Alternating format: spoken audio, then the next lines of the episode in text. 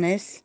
Namens Annelies Viljoen en myself Trisa Hugo van Boeke Makranka wil ons vir jou baie dankie sê dat jy met ons gesels vandag oor jou belewing van hierdie woordfees wat heeltemal iets anders is. Nou as ek dink aan jou en die woordfees in een asem, dan dink ek aan 2016 toe daardie dogtertjie op jou skoot kom klim het tydens 'n boekgesprek. Nou het ons gewonder of daar tydens die produksie van sê groete vir ma ook so iets onverwags gebeur het. Hallo Annelies en Trisa, dis altyd lekker om met julle te gesels. Genade met jou geheue is goed um, om van 2016 te onthou maar toe jy dit nou sê toe onthou ek ook die klein dogtertjie dit was maar nogal baie spesiaal geweest want ek het besef sy kyk Kwela en sy dink sy ken my baie goed. Uh, wat sê groete vir ma aan betref onverwagse dinge wat gebeur het. Jong as mens alleen is op 'n verhoog vir 70 minute, is mens altyd bang vir die onverwagse wat kan gebeur.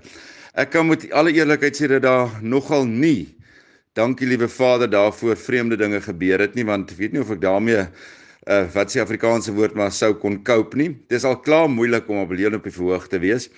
Wat wel dalk onverwags is, dinge wat mense voorhoop wat wel gebeur het, is mense wat na die tyd soveel mense uh, na die tyd na my toe gekom het om uh, gesê het hoe die stuk hulle geraak het op verskillende vlakke. En wat ook lekker is natuurlik was daar baie vroue in die gehoor. Ek is natuurlik mal vir die vroue soos wat julle almal weet. Um maar ook mans en kinders wat in trane na my toe gekom het en regtig gesê het hulle kan hulle of kon hulle self identifiseer met die stuk en ek was gelukkig om hierdie stuk baie baie al op uh, op te gevoer het voorgehore dit is voor hierdie aaklige pandemie ons beet gehad het So dit is wat nogal vir my onverwags was, maar natuurlik baie lekker. Die positiewe en die lekker terugvoer van die gehoor, want sonder die gehore is ons maar niks nie. Ek wil daarom net op hierdie stadium sê, ek dink 'n uh, Saartjie en die hele woordfeesspan het 'n uh, Dit was 'n fantastiese inisiatief. Uh die terugvoer wat ek kry van mense wat vir hierdie week uh televisie kyk en die stukke in hulle sitkamers kan sien is oorweldigend. Nou die produksie van 'n een eenmanstuk op sy eie vir die verhoog moet geweldige voorbereiding verg op 'n emosionele vlak, maar ook jy is heeltemal alleen op die verhoog. Uh jy's alleen, daar's geen wisselwerking met ander akteurs nie. Maar met 'n normale eenman produksie het jy darm die gehoor en Ek het al gehoor dat akteurs ook 'n tipe verhouding het met hulle gehoor. Maar hierdie produksie is gedoen, dis geskied vir kamera, dis geskied vir TV. So daar moes ekstra uitdagings gewees het. Wil jy vir ons 'n bietjie vertel daarvan? Ja, ek gaan eerlikwaar vir jou sê 'n uh, een man vertoning, 'n een vrou vertoning. Um ek weet partykeer nie elke aand voor 'n mens opgaan dink mens wat het jouself besiel.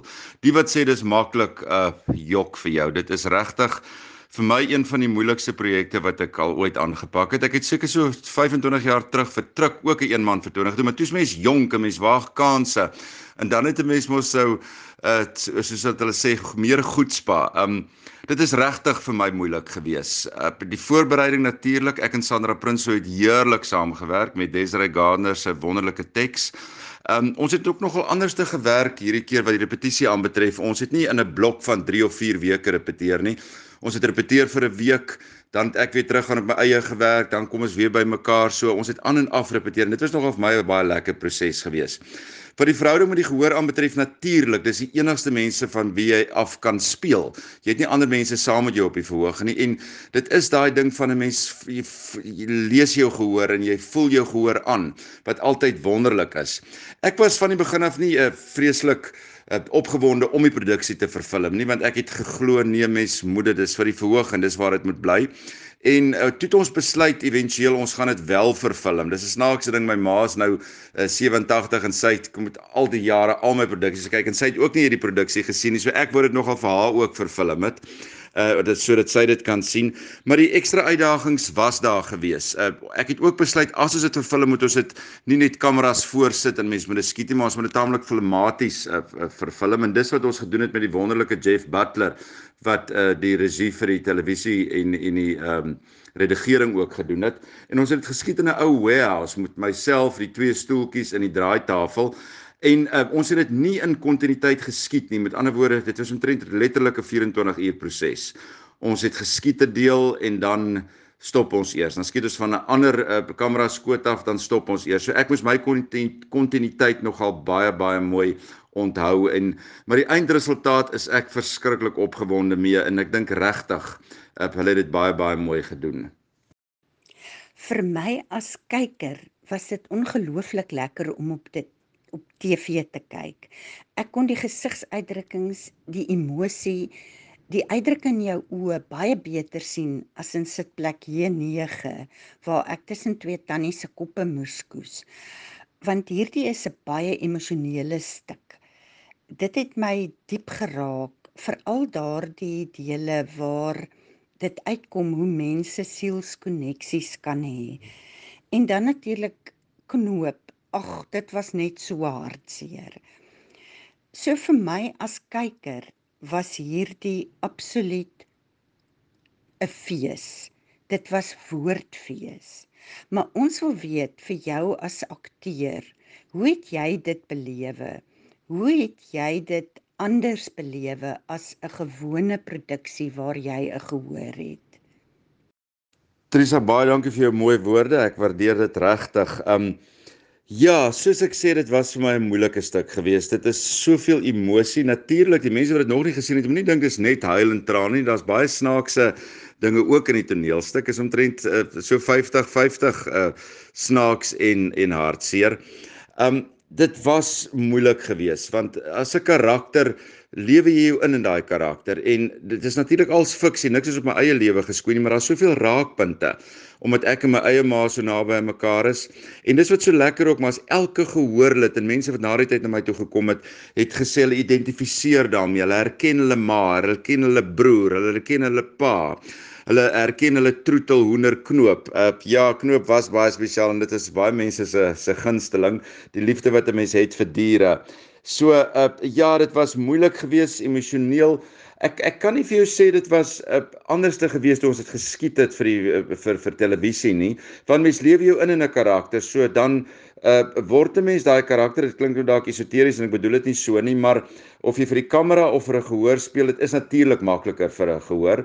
Uh maar maar die kamera ding het my nie soveel dat ek dinge moes anders te gedoen het nie. Mense is in karakter, jy beleef daai emosies en mense doen dit so goed as wat jy kan. Hannes, wil jy ook vir ons 'n bietjie meer vertel van die geskiedenis van hierdie produksie? Sê groete vir ma. Wie dit geskryf? Wat is die agtergrond en hoe lank is dit al op die planke? Bietjie agtergrond oor sê groete vir ma. Um as ek in 'n projek werk, ek onthou so goed, ek en Amanda stryd om dit voor ek vergeet gedoen. Seker so 10 jaar terug en dit het my so 3, 4 jaar gevat voordat dit op die planke gekom het want ek 'n werk nogal hard voor die tyd. Ek moet sê groete vir ma was dieselfde. Ek het 'n klomp goed, bladsye en bladsye en bladsye vir die skrywer Desiree Gardner gestuur en gesê dit is wat ek in hierdie produksie wil hê. Dis die raakpunte wat ek wil hê. Dit is waaroor ek wil hê die temas moet gaan. En toe sy 'n teks geskryf en dan stuur sy weer dit vir my en dan verander ek. So ons het heen en weer gegaan met die teks. Uh en toe éventueel toe ek baie baie gelukkig daarmee toe ek en Sandra Prinsloo wat die regie gedoen het begin werk uh daaraan en soos wat mense repeteer vir ander dinge ook en mense verander hier en daar goedjies. Um so dit was 'n proses uh, wat ons uh, deurgegaan het. So in éventueel toe ek vir die eerste keer gespeel het, ek het geopen by in die Bosfees. Haai, ek weet nie, ek raak so deur mekaar met die jare met hierdie deksel se COVID. Ek dink dit is omtrent is dit 2 of 3 jaar terug geopen by Nelspruit. Toe was ek gelukkig wees ek het by al die feeste gespeel. Uh Bloemfontein fees, ek het in die Kaap gespeel, ek het in Johannesburg gespeel, ek het in Pretoria gespeel, ek het by Aardklop gespeel, 'n uh, Woordfees 12 vertonings gehad en ek is baie dankbaar. Dit was regtig uitverkoopte huise, so ek is ontsettend ontsettend dankbaar dat die mense kom kyk het. En net voor KAKNK toe uh kon ek nie daar gespeel nie. So dis die enigste fees wat ek nie gespeel het nie. Um maar ek was gelukkig geweest om taamlik rond te gaan met die met die toneel. So ek ek moet vir jou sê ek kry nogal baie navrae met wie te doen. Dit is vir my uitmergelend geweest. So ek dink maar mooi daaroor. Soos ek sê ek het baie gespeel en mense sal maar kyk of mense dit weer weer opvoer. Baie dankie Hannes. Dankie vir jou tyd. Dankie vir die produksie wat jy vir ons in ons sitkamers gebring het. Ons waardeer julle akteurs meer as wat julle ooit kan dink en baie dankie vir jou tyd. Ons het lekker gesels. Mooi dag.